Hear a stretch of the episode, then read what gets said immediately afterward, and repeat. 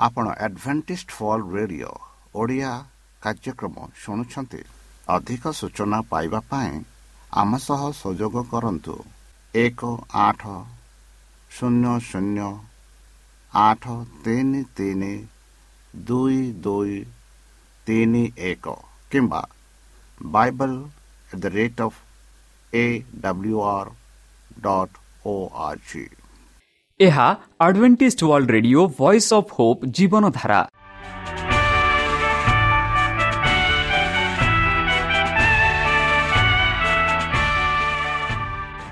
Odia radio କାର୍ଯ୍ୟକ୍ରମ ଯାହା ଆମର ଆନ୍ତର୍ଜାତୀୟ ଆଘାତ କେନ୍ଦ୍ରରୁ ପ୍ରସାରଣ କରାଯାଉଛି ପ୍ରତିଦିନ ରାତି ନଅଟା ତିରିଶ ମିନିଟ୍ରେ।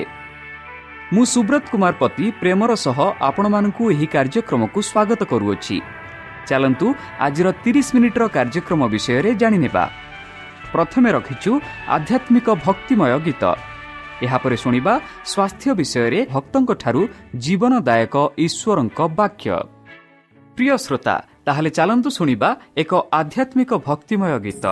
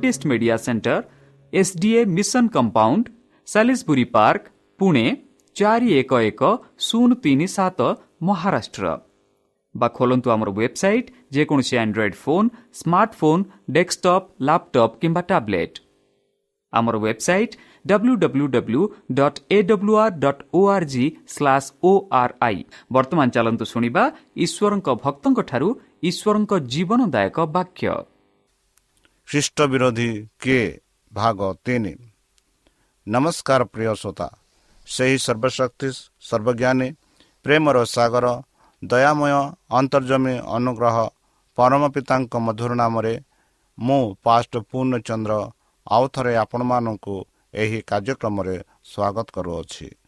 ସେହି ସର୍ବଶକ୍ତି ପରମେଶ୍ୱର ଆପଣଙ୍କୁ ଆଶୀର୍ବାଦ କରନ୍ତୁ। ଆପଣଙ୍କୁ ସମସ୍ତ ପ୍ରକାର ଦୁଃଖ କଷ୍ଟ ବାଧା କ୍ଲେଶ ଓ ରୋଗରୁ ଦୂରେଇ ରଖନ୍ତୁ। ଶତ୍ରୁ ସୟତାନ ହସ୍ତରୁ ସେ ଆପଣଙ୍କୁ ସୁରକ୍ଷାରେ ରଖନ୍ତୁ।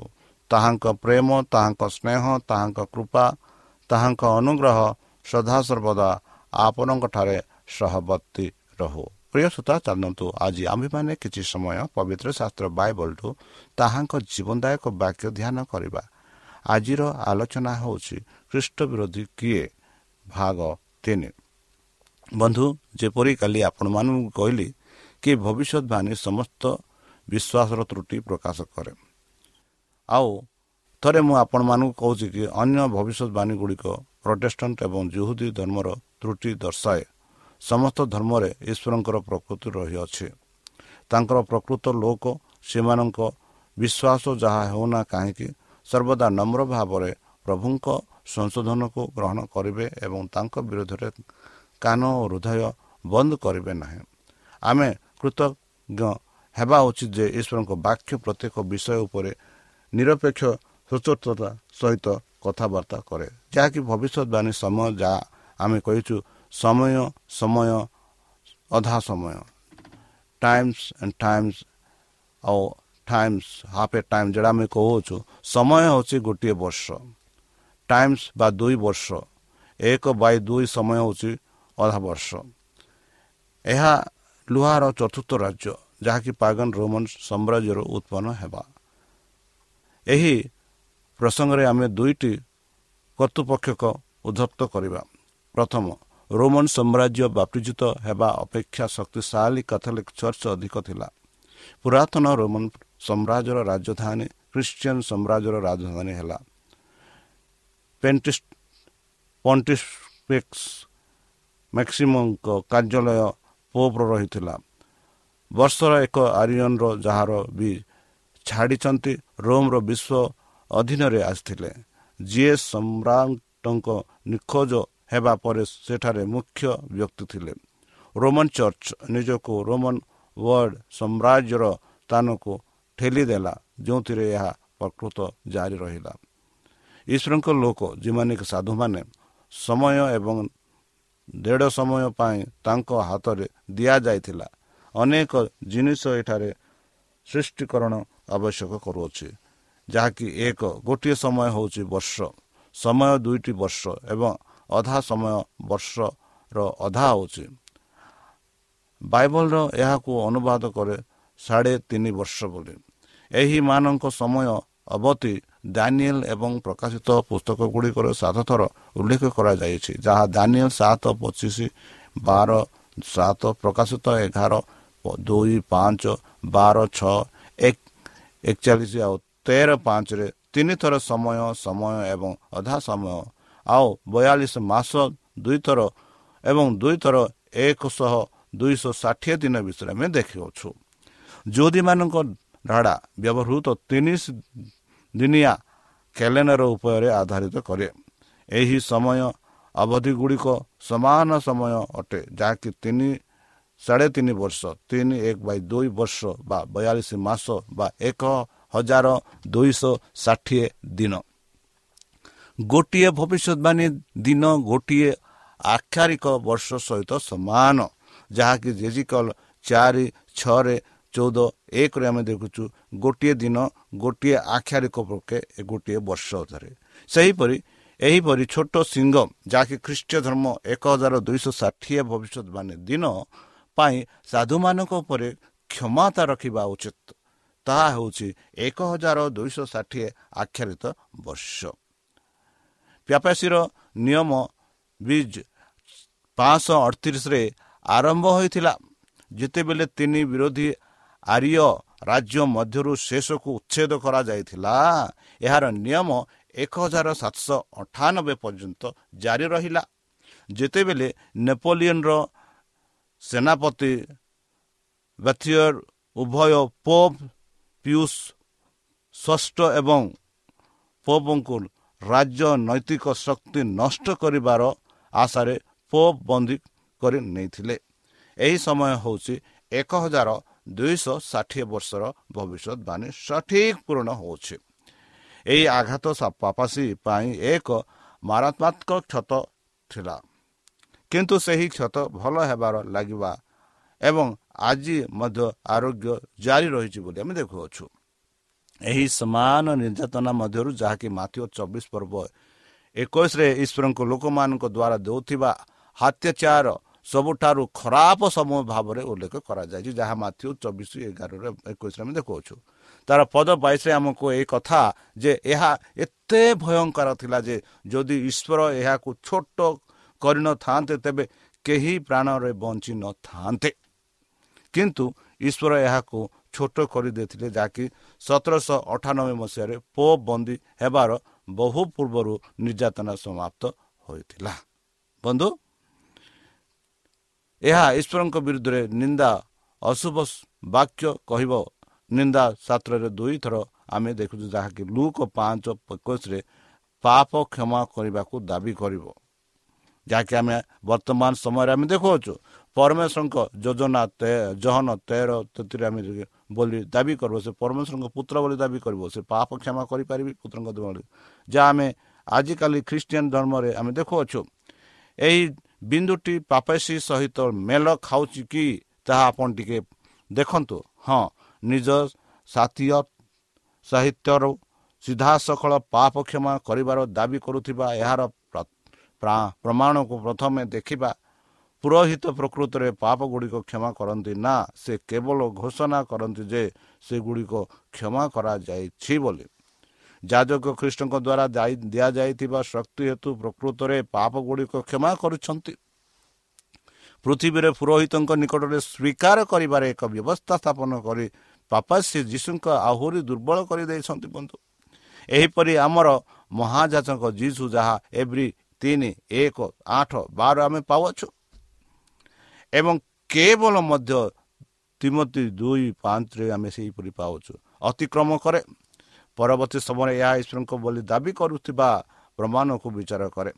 ଆମେ ସର୍ବଶକ୍ତିମାନ ଈଶ୍ୱରଙ୍କ ସ୍ଥାନ ଏହି ପୃଥିବୀର ଧରିଛୁ। ଏଠାରେ ଅଧିକ ପ୍ରମାଣ ଅଛି। ପୋପ୍ କେବଳ ଯୀଶୁ ଖ୍ରୀଷ୍ଟଙ୍କ ପ୍ରତିନିଧି ନୁହନ୍ତି ବରଂ ସେ ନିଜେ ଯୀଶୁ ଖ୍ରୀଷ୍ଟ ଶରୀରର ଆବରଣ ବୋଲି ସେ କୁହନ୍ତି।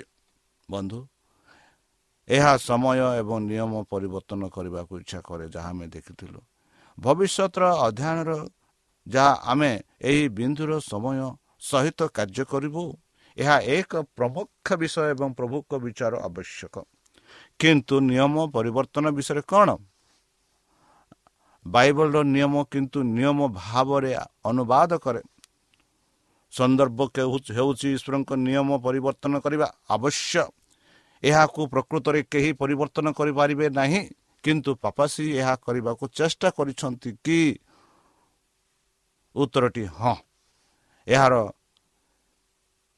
କ୍ୟାଟିସିଟ୍ ଗୁଡ଼ିକରେ ପେପିସି ପ୍ରତିମୂର୍ତ୍ତିକ ପୂଜା କରିବା ବିରୁଦ୍ଧରେ ଦ୍ୱିତୀୟ ଆଦେଶକୁ ଦ୍ୱିତୀୟ ଆଜ୍ଞାକୁ ଛାଡ଼ି ଦେଇଛି ଏବଂ ଚତୁର୍ଥ ଆଜ୍ଞାକୁ ଚଉରାନବେ ବାକ୍ୟରୁ ଆଠଟାରୁ ଛୋଟ କରି ଦଶମ ଆଜ୍ଞାକୁ ଦୁଇଟି ଆଜ୍ଞା ବିଭକ୍ତ କରିଛି। ଏହା ନିଜ ପାଇଁ ଯାଞ୍ଚ କରୁଛୁ।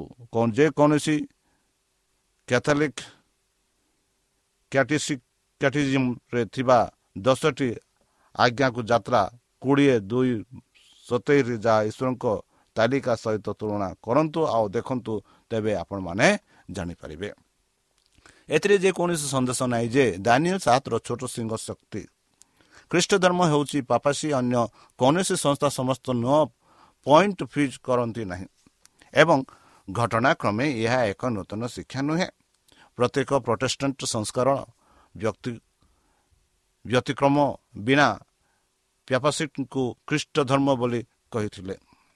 ବନ୍ଧୁ ଦାନିଏଲଙ୍କୁ ତାଙ୍କ ପୁସ୍ତକ ଶେଷ ସମୟ ପର୍ଯ୍ୟନ୍ତ ମୁଦ୍ରା କରିବାକୁ କୁହାଯାଇ ନାହିଁ ଦାନିଏଲ ବାର ଚାରି ଆମେ ବୁଝାମଣା ପାଇଁ ଦାନିଏଲଙ୍କ ଭବିଷ୍ୟତବାଣୀ କେବେ ଖୋଲିବା? ବନ୍ଧୁ ଦାନିଏଲ ବାର ଚାରିରେ ଭବିଷ୍ୟତ ବକ୍ତାଙ୍କ ଶେଷ ସମୟ ପର୍ଯ୍ୟନ୍ତ ପୁସ୍ତକକୁ ସିଲ୍ କରିବାକୁ କୁହାଯାଇଥିଲା। ଛଅ ପଦରେ ଜଣେ ଦୂତ ସ୍ୱର ପଚାରିଲେ ଏହି ଚମତ୍କାର ଗୁଡ଼ିକ ପୂର୍ଣ୍ଣ କେତେ ଦିନ ହେବ? ପଦ ସାତ କହେ ଏହା ଏକ ସମୟ ସମୟ ଏବଂ ଅଧା ସମୟ ପାଇଁ ରହିବ।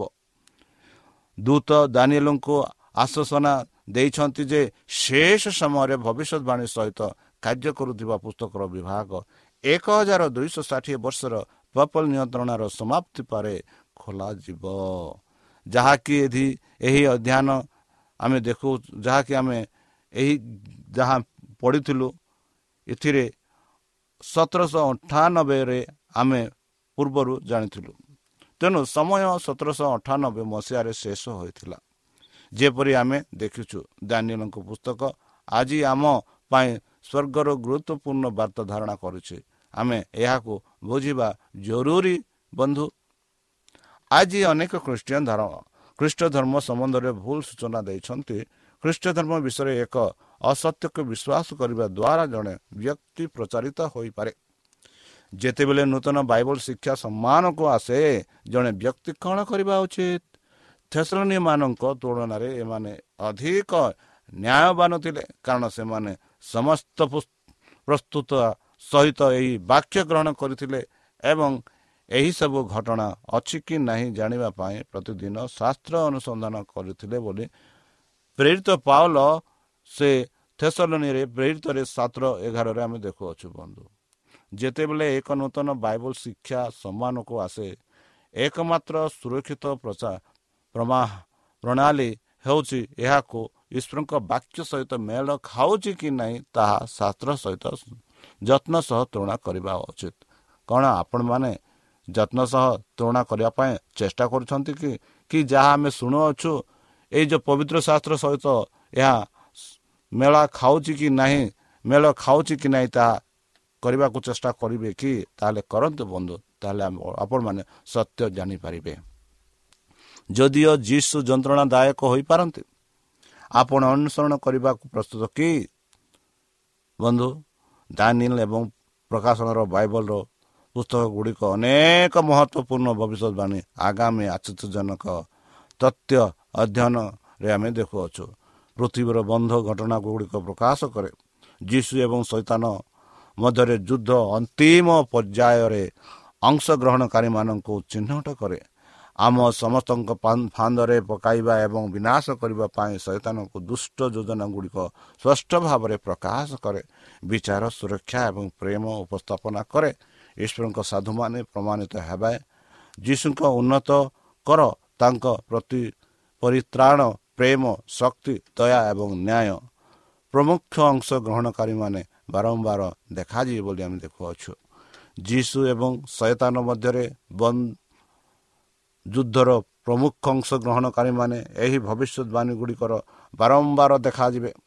ଏଥିମଧ୍ୟରୁ ଅନ୍ତର୍ଭୁକ୍ତ ଯୀଶୁ ସୈତାନ ଯୁକ୍ତରାଷ୍ଟ୍ର ପାପା ପ୍ରେଷ୍ଟୋଲ ପ୍ରୋଟେଷ୍ଟାଣ୍ଟିଜମ୍ ଏବଂ ଆତ୍ମବାଦ ଯୀଶୁ ପ୍ରେମ ଏବଂ ସୁରକ୍ଷା ବିଷୟରେ ଚେତନା ବଣି ସ୍ପଷ୍ଟତା ଏବଂ ନିଶ୍ଚତତା ଦେଇ ଆସିବା ପାଇଁ ଭବିଷ୍ୟତ ଭକ୍ତମାନଙ୍କ ଠାରୁ ତାଙ୍କ ବାର୍ତ୍ତା ପୁନର୍ମୁକ୍ତି କରନ୍ତି ଏବଂ ବିଚାର କରନ୍ତି ବନ୍ଧୁ ପରମେଶ୍ୱର ମନୁଷ୍ୟର ଆଖି ମନୁଷ୍ୟର ଆଖି ବାକ୍ୟ ଗୁଡ଼ିକ ଜଣେ ନେତାଙ୍କୁ ସୂଚିତ କରେ। ପ୍ରକାଶିତ ବାକ୍ୟ ତାର ତେର ଅଠର ଆମେ ଦେଖୁଛୁ। ଅନେକ ଲୋକ ଜଡ଼ିତ ଥିବା ବିଷୟରେ କହନ୍ତି ଦାନିଏଲ ଆଠର ଗ୍ରୀସ୍ ଏକ ଛେଲି ଦ୍ୱାରା ପ୍ରତିନିଧିତ୍ୱ ହୁଏ। ଏବଂ ଏହା ନେତା ଆଲେକ୍ଜାଣ୍ଡର ଦି ମହାନ ଏକ ସିଂହ ଦ୍ୱାରା ପ୍ରକାଶିତ। ଖ୍ରୀଷ୍ଟ ଧର୍ମ ଖ୍ରୀଷ୍ଟ ଧର୍ମୀୟ ବଳିମାଙ୍କ କ୍ଷେତ୍ରରେ ମଧ୍ୟ ସମାନ ଅବସ୍ଥା ସଂଗଠନ ହେଉଛି। ପେପାସୀ ଅଫିସରେ ଥିବା ପୋପ୍ ଏହାର ପ୍ରତିନିଧି। ଜାନିଆ ସାତର ଭବିଷ୍ୟତବାଣୀ କହୁନାହିଁ ଯେ ପୋପ୍ ମନ୍ଦ ଏବଂ କ୍ୟାଥୋଲିକ୍ ଖ୍ରୀଷ୍ଟିଆନ ନୁହନ୍ତି। ସେଠାରେ ଅନେକ ଭସ୍ମ ସ୍ନେହୀ କ୍ୟାଥୋଲିକ୍ ଖ୍ରୀଷ୍ଟିଆନ ଅଛନ୍ତି ପ୍ରେମୀ ଖ୍ରୀଷ୍ଟିଆନ ଅଛନ୍ତି। ଏହି ପ୍ରଣାଳୀକୁ ଖ୍ରୀଷ୍ଟ ବିରୋଧୀ କୁହାଯାଏ କାରଣ ଏହା ଯୀଶୁଙ୍କ ଅଧିକାରରୁ ଅତିରିକ୍ତରେ କରିବାକୁ ଚେଷ୍ଟା କରିବା କରିଛି ଏବଂ ତାଙ୍କ ନିୟମ ପରିବର୍ତ୍ତନ କରିବାକୁ ଚେଷ୍ଟା କରିଛି। ଏଥିଯୋଗୁଁ ପ୍ରିୟ ବନ୍ଧୁ ଚାଲନ୍ତୁ ସେହି ପରମେଶ୍ୱର ଯେ କି ଯେଉଁ ଆଜ୍ଞାମାନଙ୍କୁ ଦେଇଅଛନ୍ତି ସେ ଆଜ୍ଞା ଆମେ ପାଳନ କରିବା ସେ ଆଜ୍ଞାକୁ ଆମେ ନିଜକୁ ପରିବର୍ତ୍ତନ କରିବା ପାଇଁ ଚେଷ୍ଟା କରିବା ନାହିଁ ଯେପରି ପୋପ୍ କରିଥିଲା। ଯେହେତୁ ପବିତ୍ର ଶାସ୍ତ୍ର ବାଇବଲ ପରମେଶ୍ୱରଙ୍କ ଠାରୁ ଆସିଅଛି ଆଦି ପୁସ୍ତକଠୁ ପ୍ରକାଶ ପୁସ୍ତକ ସବୁ ହେଉଛି ପରମେଶ୍ୱରଙ୍କ ବାକ୍ୟ। ତାକୁ ଆମେ ମନ ଦେଇ ଆତ୍ମା ଦେଇ ହୃଦୟ ସହ ଯଦି ଧ୍ୟାନ କରିବା ବାଇବଲର ସତ୍ୟ ଆମେ ନିଜେ ସତ ଭାବରେ ଜାଣିପାରିବା। ତାହେଲେ ଚାଲନ୍ତୁ ପ୍ରଭୁ ବନ୍ଧୁ ନିଜକୁ ସମର୍ପଣ କରି ସେହି ପ୍ରଭୁଙ୍କ ନାମରେ ଆମେ ଛୋଟ ପ୍ରାର୍ଥନା କରିବା। ହେ ଆମ୍ଭମାନଙ୍କ ସର୍ବଶକ୍ତି ସର୍ବଜ୍ଞାନୀ ପ୍ରେମର ସାଗର ଦୟାମୟ ଅନ୍ତର୍ଜମୀ ଅନୁଗ୍ରହ ପରମ ପିତା ଧନ୍ୟବାଦ ଅର୍ପଣ କରୁଅଛୁ। ବର୍ତ୍ତମାନ ଯେଉଁ ବାକ୍ୟ ତୁମ ଭକ୍ତମାନଙ୍କୁ ଶୁଣିଲେ ସେହି ବାକ୍ୟ ଅନୁସାରେ ଏମାନଙ୍କୁ ଚଳିବା ପାଇଁ ବୁଦ୍ଧିରେ ଜ୍ଞାନରେ ଶକ୍ତିରେ ପରିପୂର୍ଣ୍ଣ କର। ଆମ ପାପ ସବୁ ତୁମ ସେହି ବହୁମୂଲ୍ୟ ରକ୍ତରେ ପରିଷ୍କାର ରୂପେ ଧୋଇ ଦିଅ। ଆଉ ପରିଶେଷ ଯେବେ ତୁମେ ତୁମ ସେହି ଦୂତମାନଙ୍କ ସହ ଏହି ପୃଥିବୀକୁ ଆସିବେ ଆପଣ ସାଧୁମାନଙ୍କୁ ସଂଗ୍ରହ କରିବା ନିମନ୍ତେ ସେତେବେଳେ ଆମମାନଙ୍କୁ ଏକ ବାସସ୍ଥାନ ଯେଭଳି ତ୍ରାଣକର୍ତ୍ତା ପ୍ରଭୁ ଯୀଶୁଙ୍କ ମଧୁରମୟ ନାମରେ ଏହି ଛୋଟ ବିକ୍ଷମ ଅଛି ଶୁଣି ଗ୍ରହଣ କର। ଆମେନ୍।